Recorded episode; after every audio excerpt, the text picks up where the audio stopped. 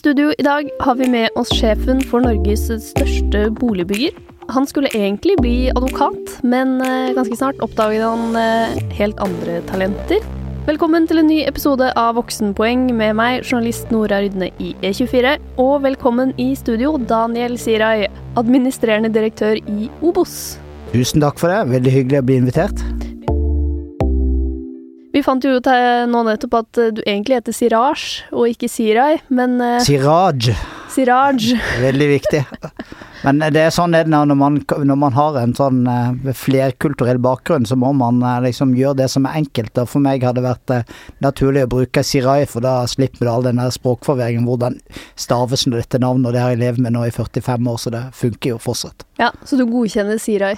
Ja, om du sier hva som helst annet. Jeg, så lenge jeg skjønner at det er meg du snakker til. Det er bra. det er bra. Vi begynner med de fire kjappe voksenpoengene, vi. Hvordan, Daniel, kom du deg inn på boligmarkedet? Du, min første leilighet var på Holmlia, den kjøpte jeg sammen med to kompiser. Og istedenfor å leie av han kompisen min som hadde tenkt å kjøpe bolig, så splitta vi den leiligheten som kosta 650 000 på tre. Og så eide vi hvert vårt rom, og det var en veldig fin måte å komme seg inn i boligmarkedet på. Ja, det er en fin løsning. Men ja. hvordan Måtte du ta opp lån, da, eller hadde Ja da, han, nei, jeg fikk ikke lån, så han kompisen min tok opp lån.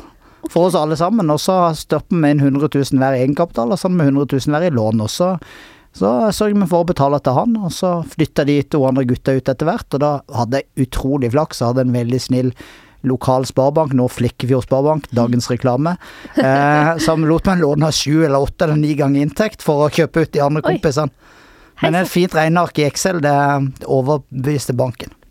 Ikke verst. Hva er det beste du har gjort for karrieren?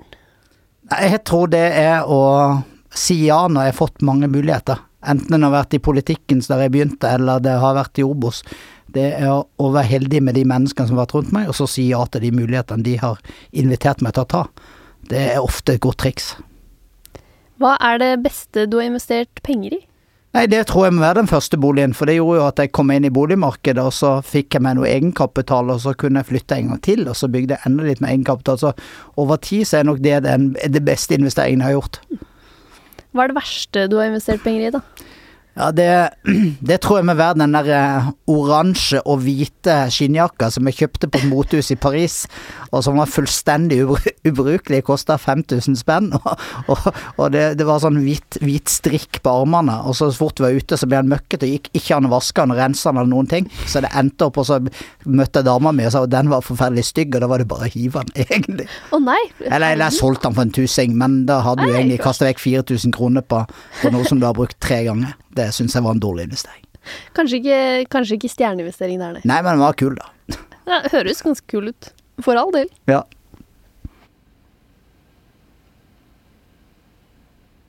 Men eh, vi skal jo eh, begynne litt på starten av karrieren der. Du nevner jo både politikk, og jeg har nevnt advokat. Men eh, hva ville du egentlig bli da du var ung? Men jeg var helt liten, da ville jeg bli dyrepasser, for da var jeg så opptatt av dyr. Jeg ville redde liksom, de utrydningstrøye dyrene. Det var liksom den første hobbyen. Og så, begynte, så har jeg brent for den tredje verden. Da var jeg opptatt av hva som skjedde av verdens urettferdighet. Jeg var kanskje ikke på den klassiske venstresida. Jeg skulle bli sosialøkonom og skulle jobbe i Verdensbanken og bidra til at og å utvikle mer, et mer rettferdig internasjonalt system.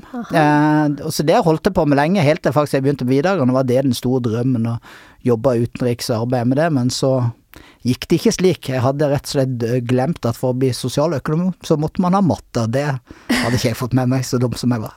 Ja, ok, og det var, matte var ikke favorittfaget? Nei, det var ikke det. Jeg er ganske god med tall, men, eh, eller blitt, men, men det var ikke det den gang. Det var absolutt ikke noen favoritt. Nettopp. Det, men det oppdaget du ikke før på videregående? Eller Nei, jeg oppdaget det egentlig ikke før jeg var nesten 20. Det kan jo si er ganske klønete, men eh, noen er late bloomers. Ja, ja.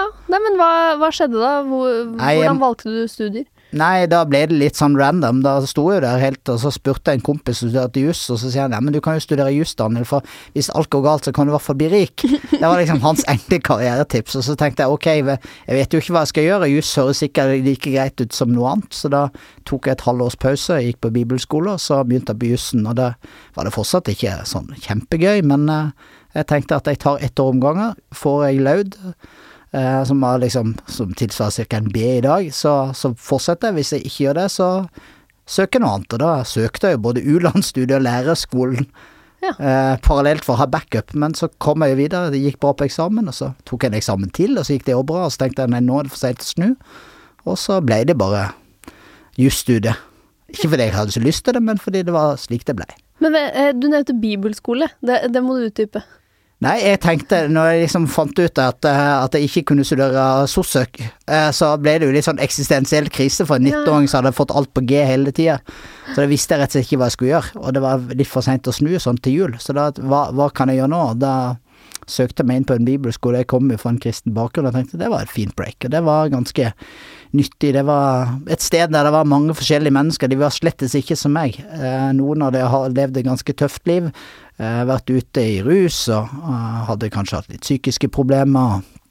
Kom rett og slett fra en annen bakgrunn, og det var sammen med disse menneskene et, et halvår. Det var utrolig opplysende for meg. Det gjorde godt. Jeg fikk landa litt og fant ut litt mer om hva jeg ville sjøl, og så tror jeg det ga meg noen helt andre perspektiver på, på mennesker, tror jeg. Det, det, det tror jeg har med meg ennå, den, den lærdommen at uh, ikke sku menneskene på, på hårene, men prøv å se mennesker for den de er, hvilken verdi de har. Det tror jeg vi har godt av som konsernsjef også å huske på. Man har jo veldig mye folk rundt seg som er, har litt ulik bagasje. Men var det mens du gikk på bibelskole at du ble med i KrF? Eller? Nei, det hadde jeg vært med siden jeg var 12-13 år.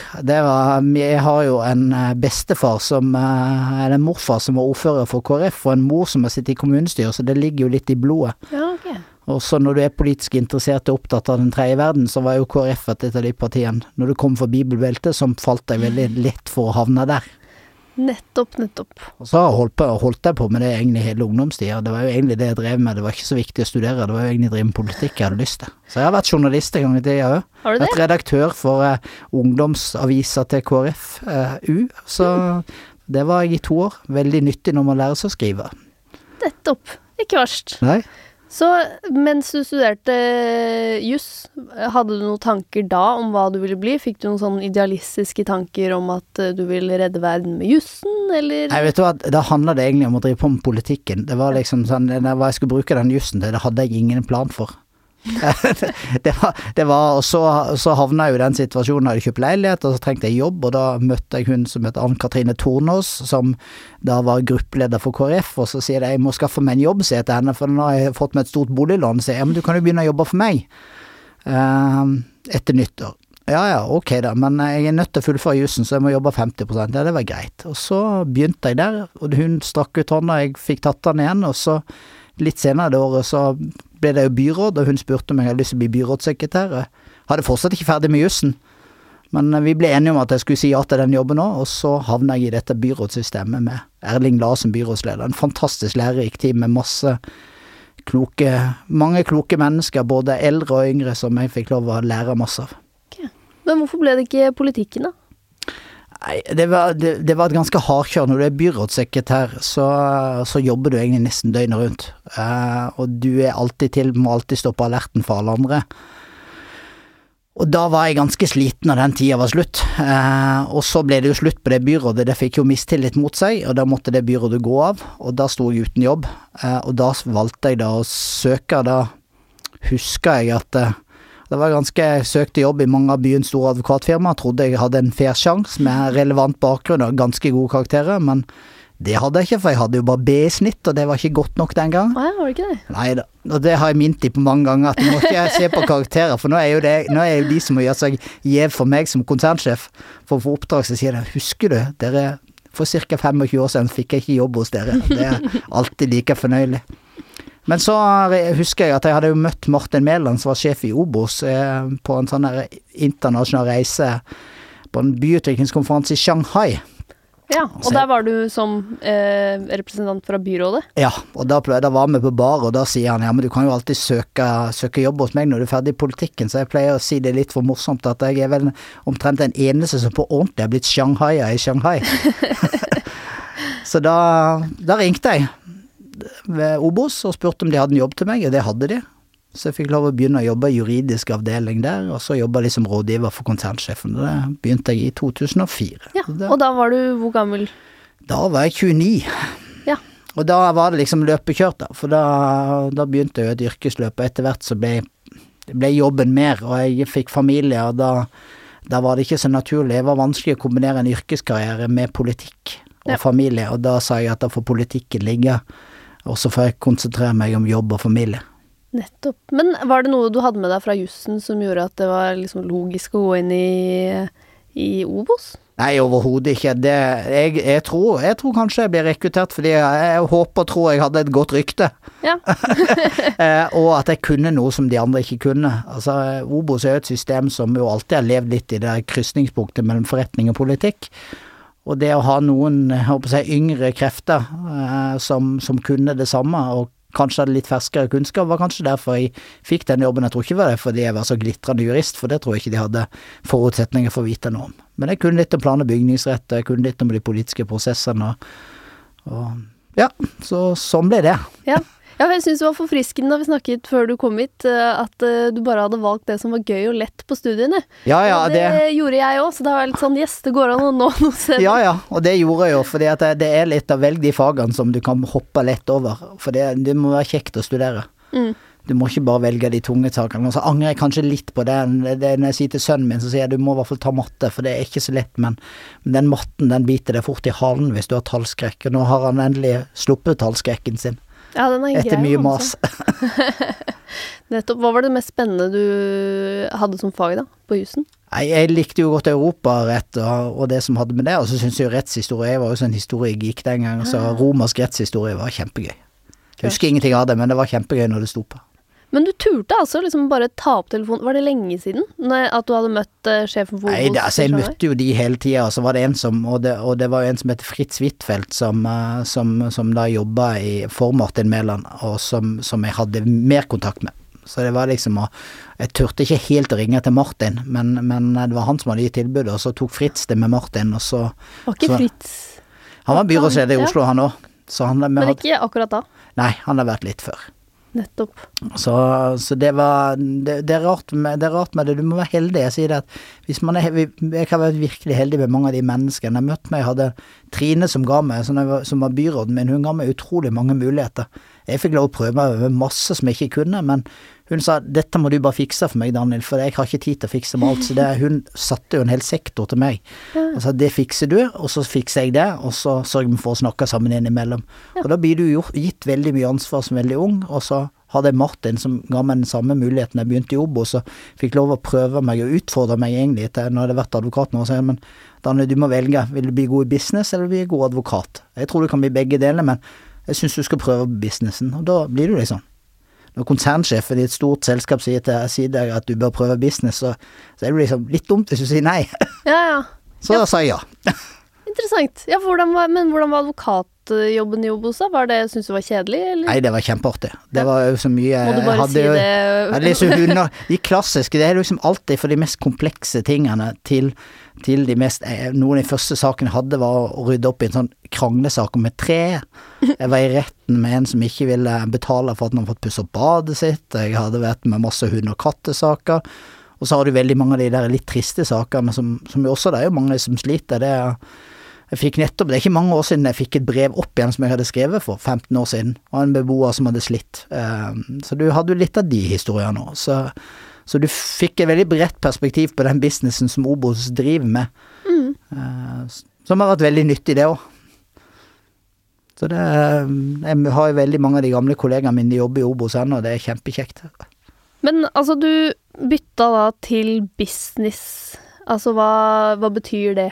Da ble jeg forretningsutvikler. Da skulle han starte en liten enhet. Han hadde den gamle visekonsernsjefen som het Arvid Sveen, han var da Han skulle nærme seg pensjonsalder, og hadde da fått ansvar for en sånn forretning. Han var visekonsernsjef og ansvar for forretningsutvikling, og vi skulle drive med alle de prosjektene som, som liksom nye muligheter som dukker opp, de som ikke falt naturlig inn under den linjefunksjonen. Eh, og samtidig skulle jeg hjelpe Martin litt med liksom politikk og en del av de andre prosessene. Så noe av det første jeg gjorde da, det var i 2007, da, da jeg gifta meg, og da, da hadde han eh, funnet for godt at han skulle kjøpe et tunnelentreprenørselskap som het Mika. For det han skulle kjøpe seg inn, for det var en mulighet som bydde seg. Det en, kunne være en strategisk mulighet. og det eh, det viste seg å bli eh, to veldig krevende år, for å si det forsiktig. Det var eh, mens jeg var på uh, bryllupsreise, så, så ble han syk, han gründeren. Og da rakna han. Han døde egentlig veldig kort, det var en veldig trist historie. Han hadde et fantastisk fint selskap, men han hadde mye av sin kunnskap inni sitt hode og ble syk. Og dette selskapet, og vi, vi der så var jeg sammen med Arvid, og ble, vi skulle egentlig prøve å rydde. Det hadde en ganske, de hadde gått på ganske mange smeller, så jeg brukte veldig mye tid på å prøve å rydde opp i, det, rydde opp i dette selskapet. Og liksom gikk ifra hånd til munn, og det, det, var, det var en utrolig lærerik tid. Jeg sover sove dårlig om natta, for du var jo teknisk konkurs til tider. Hvordan skulle du liksom forvalte kreditorens penger, du skulle gå til styret med mer kapital til investererne og det faktisk hadde gått skikkelig dårlig. Jeg gremmes jo ennå av alle de investeringskrisene. Jeg sa, men det går bedre, vi har en, vi har en jobb inn, og den kalkylen ser sånn ut, så dette kommer til å gå bra, og så gikk det aldri bra. Men det er liksom noe med Det er ganske mye læring i det å liksom seigpina seg til, som jeg har tatt med meg mange ganger senere. Ja, ja. ja, men hva skjedde da? Til slutt? Nei, vet du hva, til syvende og sist så klart, klarte vi faktisk å få solgt det til noen andre. Etter å ha tapt 150 millioner, eller hva det var. Ja. Eh, og jeg hadde jo til og med solgt selskapet, og, så, og det var det jeg som leda salgsprosessen eh, helt på slutten. Og da hadde vi til og med solgt selskapet.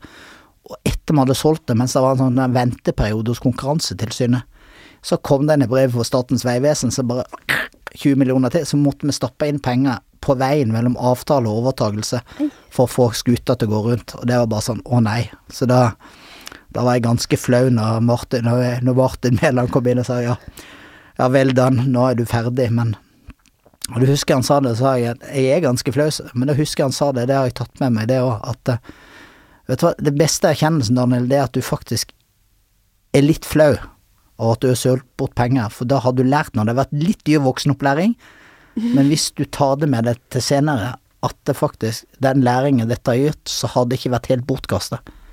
For de dyreste feilene i dette selskapet er det meg, ofte meg som gjør som toppsjef, jeg tar noen beslutninger, men det viktigste er at man lærer de feilene og prøver å unngå å gjøre det en annen gang. Og den, de kloke ordene der, de, de tar jeg meg stadig vekk i at jeg må prøve å leve etter de selv også når andre gjør feil, for det skjer jo hele tida. At vi gjør feil. Jeg gjør feil, og medarbeiderne mine gjør feil, men det å ikke kappe huet av folk når de gjør feil, men faktisk å si hva kan vi lære av det her, hvordan kan vi unngå den feilen skjer en gang til. Ja. Så hva tok du med deg da, mens du var flau? Nei, nei, blant annet det at hvis du tror Hvis business case er dårlig, og det bare sklir, så blir det sjelden veldig mye bedre. Så du tenker, okay, så du må liksom Du, du må ikke seigpine deg sjøl når noe er dårlig. Da må du da må du faktisk av og til bare skjære igjennom og ta en beslutning, og det det gjorde jeg når, når jeg ble konsernsjef og så hvor vi hadde et forsikringsselskap som gikk ganske dårlig, og det sklei, og jeg fikk business case opp, og jeg trodde ikke på det. Og da så jeg bare den logoen til det der tunnelentreprenørselskapet foran meg, det sto Mika foran meg med alle med øya, det sto bare og blinka sånn. Og når jeg våkna, så tenkte jeg bare dette går ikke, vi er nødt til å vi er nødt til å selge dette selskapet, og så fikk vi, la vi det ut for salg, og fikk solgt det til Trygg til en veldig hyggelig penge. Og jeg tror det blir bra for de. De gjør det kjempebra med dette selskapet. De er mye bedre til å drive forsikringsselskap på OBOC, og vi kunne bruke de pengene vi tjente på å kjøpe nye boligtomter, som vi er mye bedre til. Så det ble vinn-vinn, og kundene våre får et fryktelig mye bedre tilbud med Trygg som leverandør av forsikring enn det om Obo skulle drive med det. Så det var vinn-vinn, men det var denne evnen til å bare agere og si nei, nå er det nok også. For dette leder oss jo veldig bra inn. Nå har du jo allerede noen tabber og noen læringer, men vi har jo en spalte som heter Tabbespalta. Har du, eh, har du flere tabber å dele?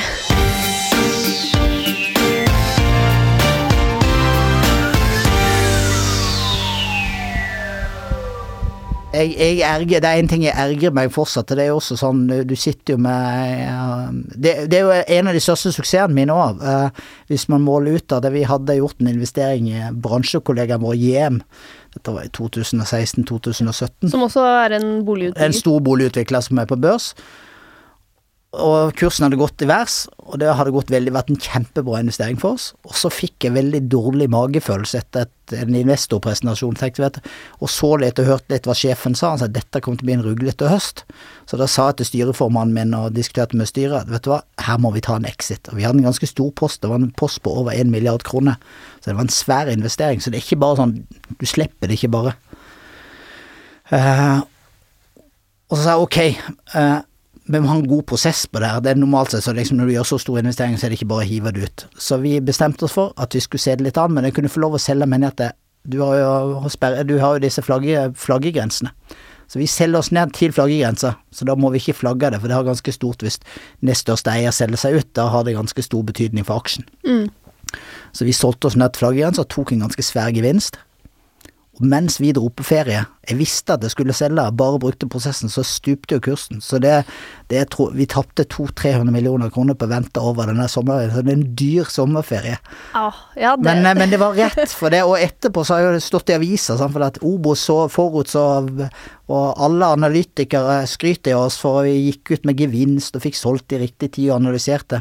Men for meg sjøl så er det en sånn tabbe. Hvorfor gjorde jeg ikke det jeg egentlig hadde lært at slå til på magefølelsen når du, når du vet at dette går galt. ja, så du måtte ha liksom noen prosesser jeg- med læring før ja, det da, men så har vi kjøpt oss inn igjen og tjent enda mer penger. Så vi har tima. Ja. Så nå har jeg liksom lært av det, da. Så da har vi Så vi er tilbake solid i pluss på Sirais feil. Men jeg har veldig mye flinke folk. Det hjelper å ha Ja. gode folk rundt seg. Jeg har veldig mange flinke folk som hjelper. Det har jeg lyst til å si.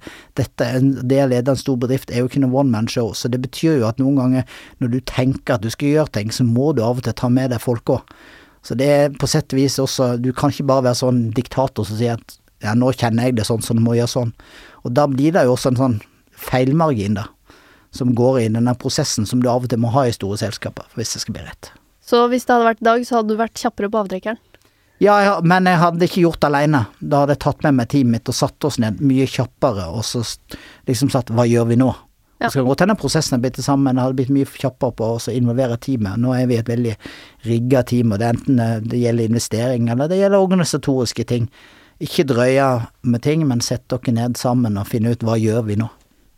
Men uh, dette her skjedde mens du var konsernsjef. Ja da. Ja. Det var ingen andre å skylde på enn meg. Men det var altså da eh, Du hadde noen tabber før du gikk helt til toppen, og så var det en vei til du kom ja, til sjefsstolen, da. Hvordan var det? Hvordan fikk du klatret? Nei, men det handler igjen om det å si ja. Jeg ble jo etter hvert forretningsutvikler nå, så slutta jo han Arvid Sveen, som hadde hatt ansvar for det, og da ble jo spurt hadde du lyst til å bli sjef for forretningsutvikling, gå inn i konsernledelsen, og det sa jeg jo ja til. Eh, Det var en kjempespennende mulighet. Og da skjønte jeg jo at det, det her kunne bli en lederkarriere, men jeg hadde jo ikke noe perspektiv på hvor lenge det skulle vare. Eh, Jobba med masse spennende ting, blant annet så gjorde vi nå den energisatsingen som vi nå tok en exit på. Den starta vi med den gangen. Vi, vi lagde en miljøstrategi, det er jo ti år siden. Der eh, alle som nå driver med vindkraft og skal gjøre det, det gjorde vi for ti år siden. Identifiserte at det var en god forretningsidé. Vi kunne prosjekt, og vi hadde kapital. Hvordan kan vi, hvordan kan vi skape et grønnere Obo som investerer investere grønt? Eh, Så det begynte vi å bygge opp en kraftportefølje, det brukte vi litt tid på å finne ut av. Det, men så, akkurat idet jeg hadde landa det prosjektet, så ble jeg spurt om å ta over boligutvikling. Ja. Altså Det handler jo om å gjøre altså Jeg tror alt kommer tilbake til at når du blir gitt et ansvar, så må du gjøre det beste ut av det. Og så må du jobbe beinhardt. Og det, det er ingen som gjør karriere uten at du gjør bra ting, og sørger for å omgi deg med Jeg hadde mange flinke, igjen, jeg hadde mange flinke folk, og de flinke folk får deg til å se bedre ut enn du er sjøl. og det er de som lærer deg. Og når jeg begynte med boligutvikling, jeg hadde jo ikke leda mer enn to mennesker. Nei. Og da skulle jeg overta en organisasjon på 25, og så fra jeg sa ja til jeg begynte, så skulle jeg arve 20 til. For da hadde de funnet ut i sin visdom at de skulle kjøpe Fornebu. Ok. Og det visste ikke jeg, jeg var ikke involvert i prosessen før helt på slutten. Da ble jeg kalt inn på teppet, da skulle jeg overta om 14 dager. Så sier Martin som var konsert, «Nei, har, nå har jeg bestemt meg for å kjøpe Fornebu, så nå gir vi bud på de over nyttår. Er du klar for det? Ja, hva skulle du si? Ja, det må du jo være. Og da skulle jeg plutselig lede en integrasjonsprosess. Det hadde jo på en, det hadde jeg gjort før, litt den der å jobbe med selskaper, så det følte jeg meg litt tryggere på. Men det å lede mange mennesker, være liksom toppsjef for dem, det var, det var en ny challenge. Men det handler litt om å Jeg fant fort ut at jeg hadde to-tre sånne ganske erfarne karer som sa til meg vet du hva, vi skal hjelpe deg å bli god, Daniel. Så du kan konsentrere deg om det du er god på, så skal vi hjelpe deg å bli god. Okay. Så lagde vi en ledergruppe av de tre-fire erfarne karene og meg. Og så begynte vi å jobbe litt systematisk med å bygge kultur. Bestemte oss for ja, hva er det vi må ha nå? Jo, vi må bygge kultur og struktur rundt det der. Og da kunne jeg vokse meg inn i noe som jeg Jeg var nok bedre på å organisere, jeg var god, ganske god på organisasjon og kultur. Og så var de gode på fag, og så lærte vi hverandre. Så ble det en veldig sånn fin dynamikk mellom de erfarne og meg som var veldig ung og uprøvd. Det, Ja, for Hvor gammel var du da du tok over boligutvikling? Da var jeg 37. Ja. Men det var, en stor, det var en ganske stor butikk, og jeg var veldig urutinert i forhold til alle andre som Ja, hadde gjort det. altså, det er jo et stort sprang å gå fra å lede to til å lede 200. Ja, det ble, det ble, det ble 40, men så, så Ja. ble det jo veldig mange etter hvert, da. For da gjorde vi jo et nytt oppkjøp to, to år etterpå og kjøpte BVG Home, så da ble vi skikkelig mange. Nettopp. Da ble vi jo nesten Da ble vi 1500. Men hvordan bygger man kultur, da? Nei, du må være veldig til stede. Altså, jeg tror, jeg tror det er ekte. For først må du være mye til stede. Du må snakke om Du må møte oss fysisk. Det er jo det vi mister nå i denne tida. Vi satte oss ned når jeg skulle bygge denne gjengen som er den første jeg begynte. Vi begynte å samles måned, Da var, var vi faktisk sammen hver måned. Da samla vi folk fra hele Norge hver måned. Fløy de inn og satt og diskuterte fag. Jeg snakka litt om ståa, noen fått snakke om fag, og så bygde vi laget sammen. Og så gikk det over til sånne kvartalsvise samlinger etter hvert. Så når, når vi kjøpte BVG Home, så handler det rett og slett bare reise mye rundt. Ut på kontoret, hilse folk, ut på byggeplass, hils- hilse på tømrere. Vise at du er interessert. For da tolker jeg ut av dette at du er ganske sosial og Ja, veldig. Du hører jo på det meg. Det Ja, går jo du liker å prate med folk og ja, kjem, altså Det er jo det artigste. Det er jo det som er så kjipt med å være på koronakontor, at du kommer ja. deg ikke rundt da. Jeg tror liksom litt av min suksess, og jeg tror de som lykkes som ledere, er jo nettopp det. At man er til stede, uansett hva slags business man driver med. Det er jo bare å se på de store lederne der ute. De, de, de er tett på organisasjonen sin, vet hva det dreier seg om, og folk føler at de kan se opp til det, og føler at de blir sett. At de er ikke bare en brikke i maskinen, men at de faktisk er viktige for det vi skal skape her. Og det, det er liksom Hvis du klarer å beholde den i en organisasjon som vokser, så har den lykkes mye. Hvis du er fjernfra, så blir det veldig sånn dissonans mellom ledelse og organisasjon som fort biter deg i halen. Men jeg lurt på det ofte når man liksom blir sånn sjokkleder. Hvordan, hvordan finner man liksom seg sjæl i den rollen? Jeg vet du hva, det Jeg vet ikke. Jeg har egentlig ikke, jeg har egentlig ikke noe godt svar. Enten så flyr du, eller så flyr du ikke. Ja. det, det, det er litt sånn, og så må du ha en veldig tålmodig kone på hjemmebane, Ja. som tåler som Jeg var jo gift, hadde barn, som tåler at du jobber ekstremt mye. For det der Jeg satt jo opp til langt på natt og, og jobba hele tida. Nå har jeg mye god hjelp, men, men det der Du må bare Det krever så enormt mye arbeidsinnsats for å få det til, så du må bare være villig til å ofre ekstremt mye. Det å bli leder er, er ekstrem oppofrelse, ikke bare for deg sjøl, men også for de rundt deg. Så det er et valg du må være ganske bevisst når du gir deg inn på en lederkarriere. Og de som sier noe annet, de lyver. Ja, Er det fortsatt sånn, eller har det blitt eh, bedre etter hvert som du har blitt mer trygg? Nei, men altså, nå er jeg jo litt mer relax, men det er jo fortsatt sånn at jeg sitter og jobber nesten hver kveld, og du må liksom eh, du må stadig, Jeg må stadig rykkes i øret. Mm. Så nå, jeg har, men kona mi hun har gjort en avtale med hun som er sponsoransvarlig i Obos, at vi sørger for å at jeg er ute og sjekker ut sponsoratene våre. Hvordan de står til, så da får vi litt sånn kulturbilletter. Så hun får billetter tilsendt, Ja, okay. og så sier jeg nå må vi gå ut. Nå må du ut, gå ut på representasjon, Daniel, og så Ah. tar du meg med. Og det er jo, men det er jo fint, fordi der får jo jeg møtt, og så er jo ikke bare inne i den businessen som vi er. Vi er jo stor samarbeidspartner med samfunnsliv og kulturliv, og da får jo jeg vært ute og møtt folk av den dimensjonen av ledelse, så da blir hun glad, og så blir de som er sponset glad, og så blir det, blir det en fin dynamikk av det. Ja, nettopp. Hva med kidsa, da? Jo, det, er jo mye, vi sponser mye fotball, så det jo, de får jo vært med på mye fotballaktiviteter, og, og nå prøver jeg å prioritere, det er jo fint med barn. Hvis du prioriterer, jeg har alltid vært fotballtrener for disse gutta mine fra de var små begge to, så jeg har jo sagt at det er prioritet. Og det må jeg finne tid til i livet mitt, så det betyr jo bare at jeg må prioritere bort venner, mine egne venner. Så det blir liksom fotballtrening og kanskje trening for meg sjøl, men så mye venner har jeg, har jeg kanskje måttet ofre, eller, eller jobb, eller hva det nå blir. Så det er kollegaene som er vennene. Ja, jeg har veldig gode venner, men de som heldigvis tåler at jeg ikke er på det, at vi ikke ses hver eneste uke. Ja.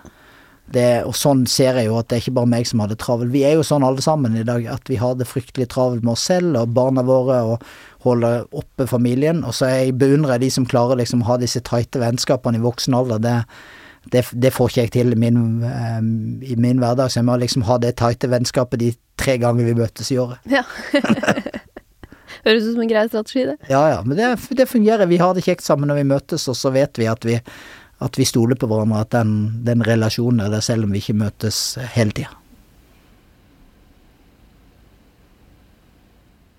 Jeg har jo hørt fra mange ledere som har vært her i studio, at de gjerne har en mentor. Eh, og så leste jeg i Kapital at din, eh, eh, ditt lederforbilde er Jesus. Jo, men det, det handler litt Alle spør hva slags lederforbilde har du, og jeg har egentlig ikke så veldig mange forbilder. Jeg, har, jeg ser opp til broren min, men, men fordi jeg, han, han er en kul type som har valgt en helt annen vei enn meg, brukt sine talenter. Han er gløggere enn meg og kunne blitt mye mer enn meg, men han har valgt å ofre livet sitt for å gjøre noe for andre folk. Å være lærer og, og nå er han rektor på en skole. Det har han brukt livet sitt på istedenfor å gjøre en businesskarriere, for det brenner han for. Men grunnen til at jeg har svart Jesus, det, jo, det handler litt om et sånt ledelsesprinsipp, å være tett på folk. Altså For meg er det en sånn Du er opptatt av Han var, han var jo opptatt av å, å gi noe tilbake. Han var opptatt av å være tett på vanlige folk. Han var ikke opptatt av bare å omgås med de der eh, høye herrer. Um, Og inspirasjon, og tydelig, i hvert fall. Og det tenker jeg også. Det å tørre å være tydelig som leder og sette retning, det kan også være bra. Mm. Har du noen svake sider som leder, da? Å ja, mange. Utålmodige. Ja. Kan sikkert, kan sikkert ha litt temperament uten at jeg slår i bordet og være sånn, men eh, men kanskje først og fremst utålmodigheten min, at jeg glemmer å ta med folk på at det skal gå så fort at jeg glemmer å ta med folk på reisen, så det må jeg stadig rykkes litt i øret på. Ja, ok. Ja, hvordan minner du deg selv på Nei, jeg har heldigvis mange gode folk rundt ja, meg, og så prøver jeg liksom å tenke, jeg prøver å bli mer bevisst på det. Og kanskje å la det der med at når du er vant med å ta mye plass selv, mm. at jeg prøver å la andre bli flinkere til å la andre slippe fram. Og være bekvem med det, for man liker altså man blir jo man liker jo Jeg har jo en ganske offentlig profil på mye av det jeg gjør, og da er det å tåle å akseptere at andre også får skinne. Det er en tilvenningssak. Ikke fordi det går utover prestisjen, men det er fordi du er så vant med å ta plassen. Ja, for akkurat det var jo ikke Jesus så flink til. Han var veldig Er det der du har det fra? det var mest han som skjant. Jo, jo, men, men, jeg tror det var mange andre som skinte òg. Men, jeg tror, men jeg tror jeg, jeg, måtte lære meg, for jeg tror det som er bra for Obos, er, er at det ikke alltid er bare Daniel. Og da må jeg av og til ta den hva, hva som er bra, og noen ganger så må du tenke Så nei, jeg jobber med det.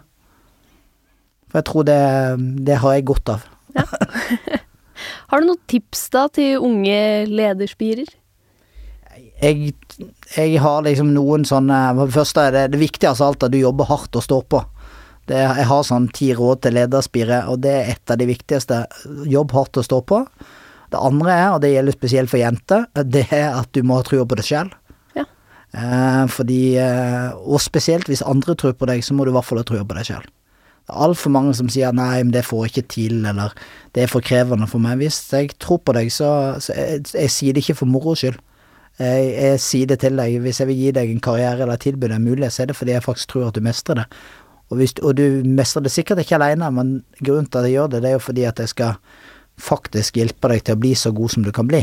Mm. Men da må du faktisk tro og gripe den sjansen, for det handler om å ta de sjansene. Og det har jeg sagt at til Trine nei, jeg kan ingenting om byutvikling, så jeg kan ikke bli byrådssekretær for byutvikling. Ja, men da hadde alle fått den sjansen.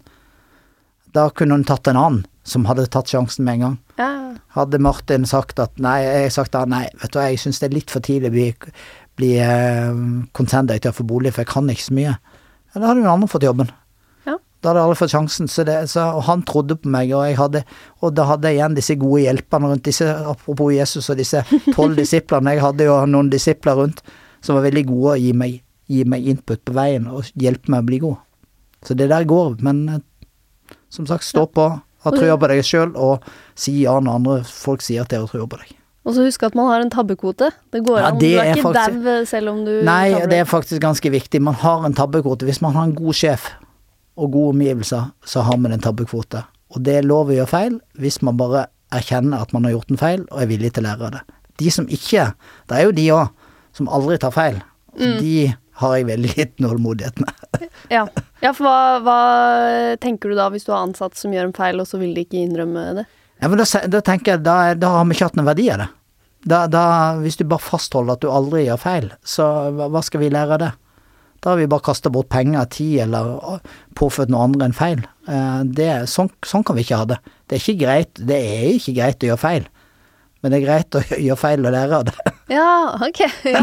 Ja, så, men er det noe du kan finne på å si hvis du har en sånn medarbeider? At det er liksom, nå, nå må du bare innrømme at du har gjort feil og lære av det? Ja, men vi hadde en runde nå, vi hadde gjort en investering, så men kan vi ikke istedenfor å gå rundt og så bare si at vi finner unnskyldninger for, for hvorfor de sender For det er mange gode grunner til at ting går feil.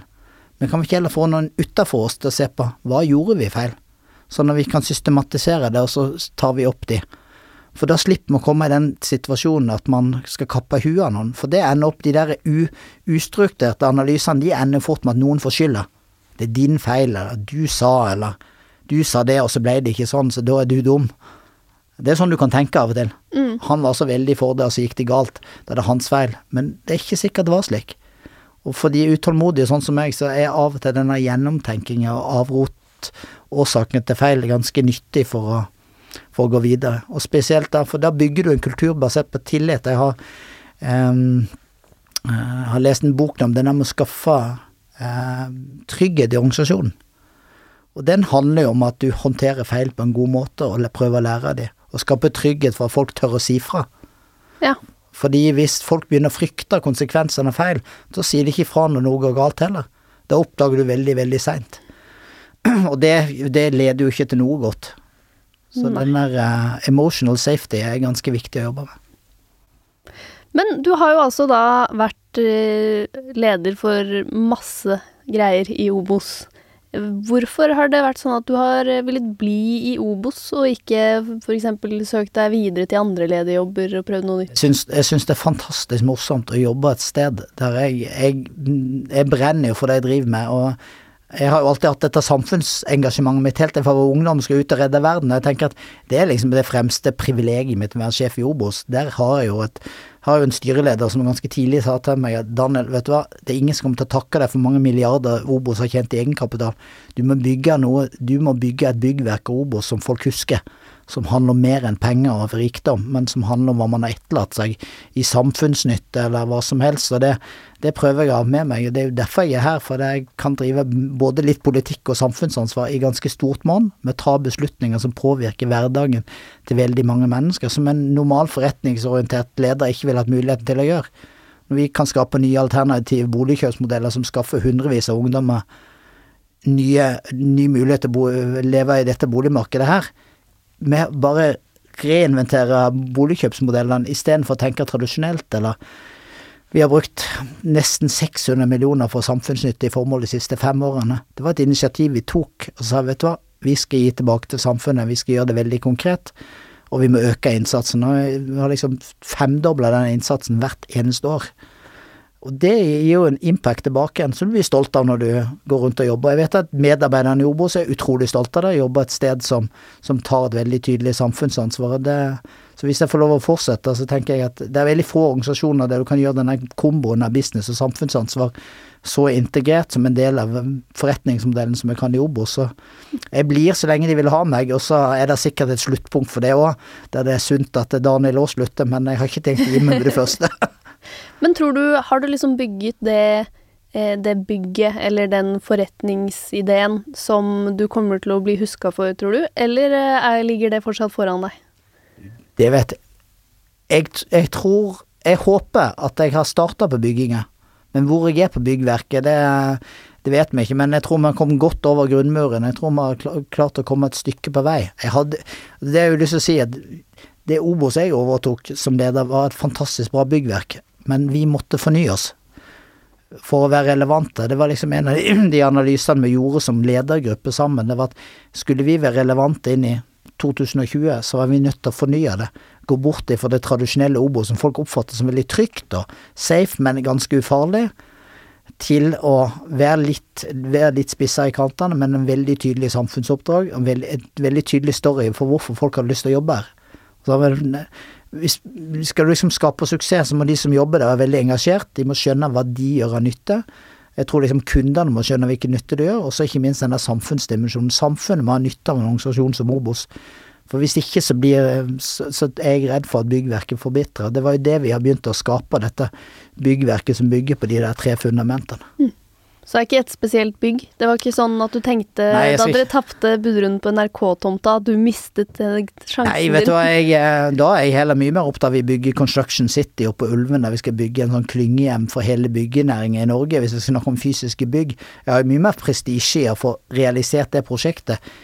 både som fysisk byggverk, men ikke minst som et byggverk og en klynge som skal sørge for at hele byggenæringen flytter seg.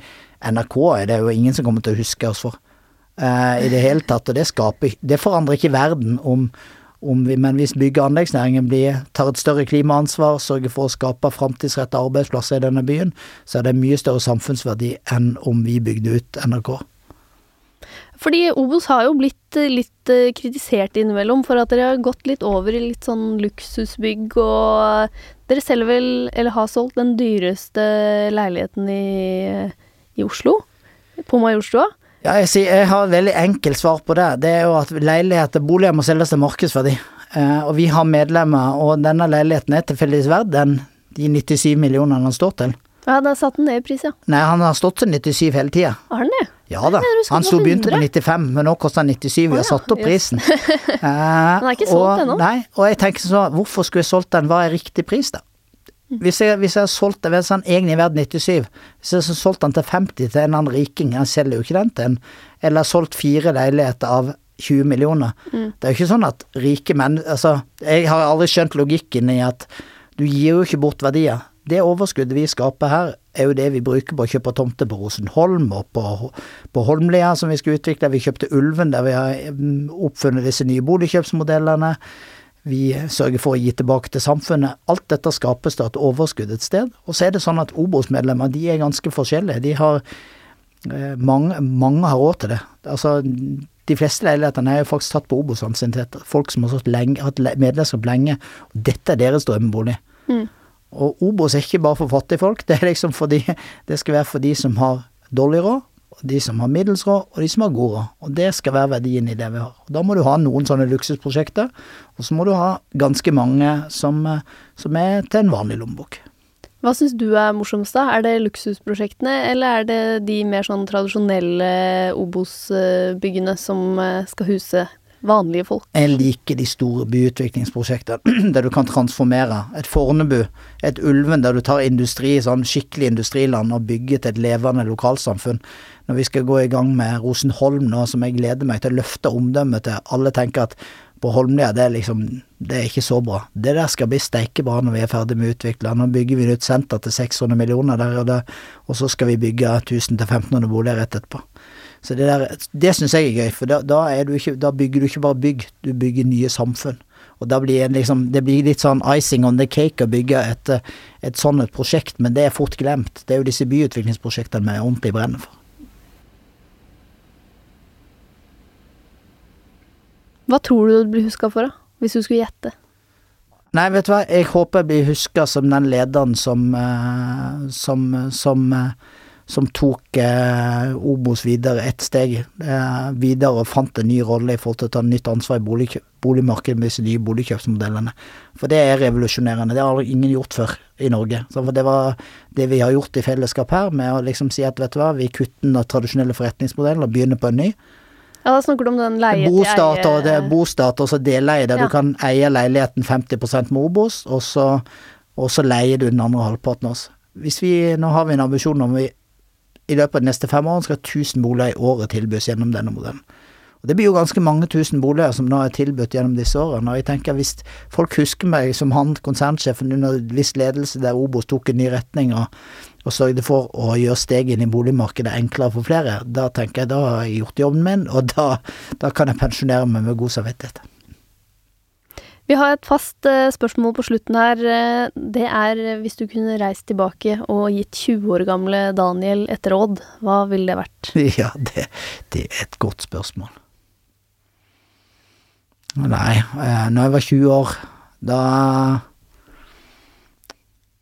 Du, jobb med Jeg måtte, burde jobba litt mer med utålmodighet, min litt tidligere. Da hadde det blitt enda bedre. Ja. Det er et godt råd, det. Ja. Du hadde sikkert ikke hørt på det når du var 20. Nei, det hadde jeg ikke, og kanskje det er litt den utålmodigheten også som Så, det er ikke sikkert det var så godt råd, for det, er kanskje litt av den utålmodigheten også som har gjort at jeg har turt å ta sjansen, og, samt, og, og, og som driver litt prosesser. Det er også utålmodigheten også min styrke, tenker jeg, så det er å finne det der balansepunktet uh, i det. Så det er ikke sikkert det er så kjempegodt råd allikevel, så, for det strider jo egentlig mot det jeg sier til unge mennesker, ikke vær så tålmodig, si ja. Ja, Ha trua på deg sjøl. Kunne sagt eh, ikke vær så utålmodig når du først er konsernsjef.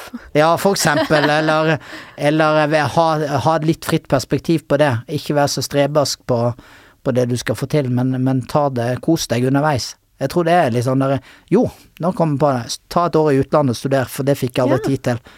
Husk Daniel å ta en pause. Dra et sted i utlandet, for det er kanskje det ene som henger igjen. Det var det jeg aldri fikk tid til. Det skulle jeg gjerne fått til. Hvor ville du dratt, da? Nei, om det var Om jeg studerte Jeg har alltid lyst til å studere på college i USA, men om det var til Australia eller hvor som helst. Men det å komme seg ut og få det utenlandsperspektivet, det hadde vært nyttig. Ok, Daniel, så hvis jeg skal oppsummere din karriere her, så er det jo litt sånn gjøre det som er gøy, og ta mulighetene når de kommer. Ja, det, jeg, tror det, jeg tror det er ganske oppsummert, og det, det, har, eh, det har skapt masse muligheter for meg. Jeg har hatt det utrolig mye gøy, og jeg tror jeg kommer til å ha det kjempegøy framover. Og så jobbe veldig mye, da. Ja, jeg eh, står, for, jeg står fortsatt for det, at det er den beste Det, der er ingen andre vei til suksess enn, enn å like å jobbe mye. Tusen takk eh, for at du kom hit i dag, Daniel Siraj. Var det? Siraj. Siraj. Ja, jeg tror jeg skal holde meg til Sira, jeg, siden det er greit, fordi det er jo åpenbart nå hvorfor du har valgt å bare go with the flow og velge Siraj. Ja. Men tusen takk for at du kom hit i dag. Hyggelig. Produsenter i dag, det var Sunniva Glessing og Ahmed Fawad Ashraf. Hvis du vil eh, ha litt ekstra materiale og eh, ja, lese skoledagboka til Daniel, så må du gå og følge oss på Instagram. Der heter vi Voksenpoeng med Nora.